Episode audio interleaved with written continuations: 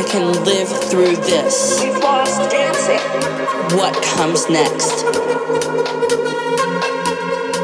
will be marvelous.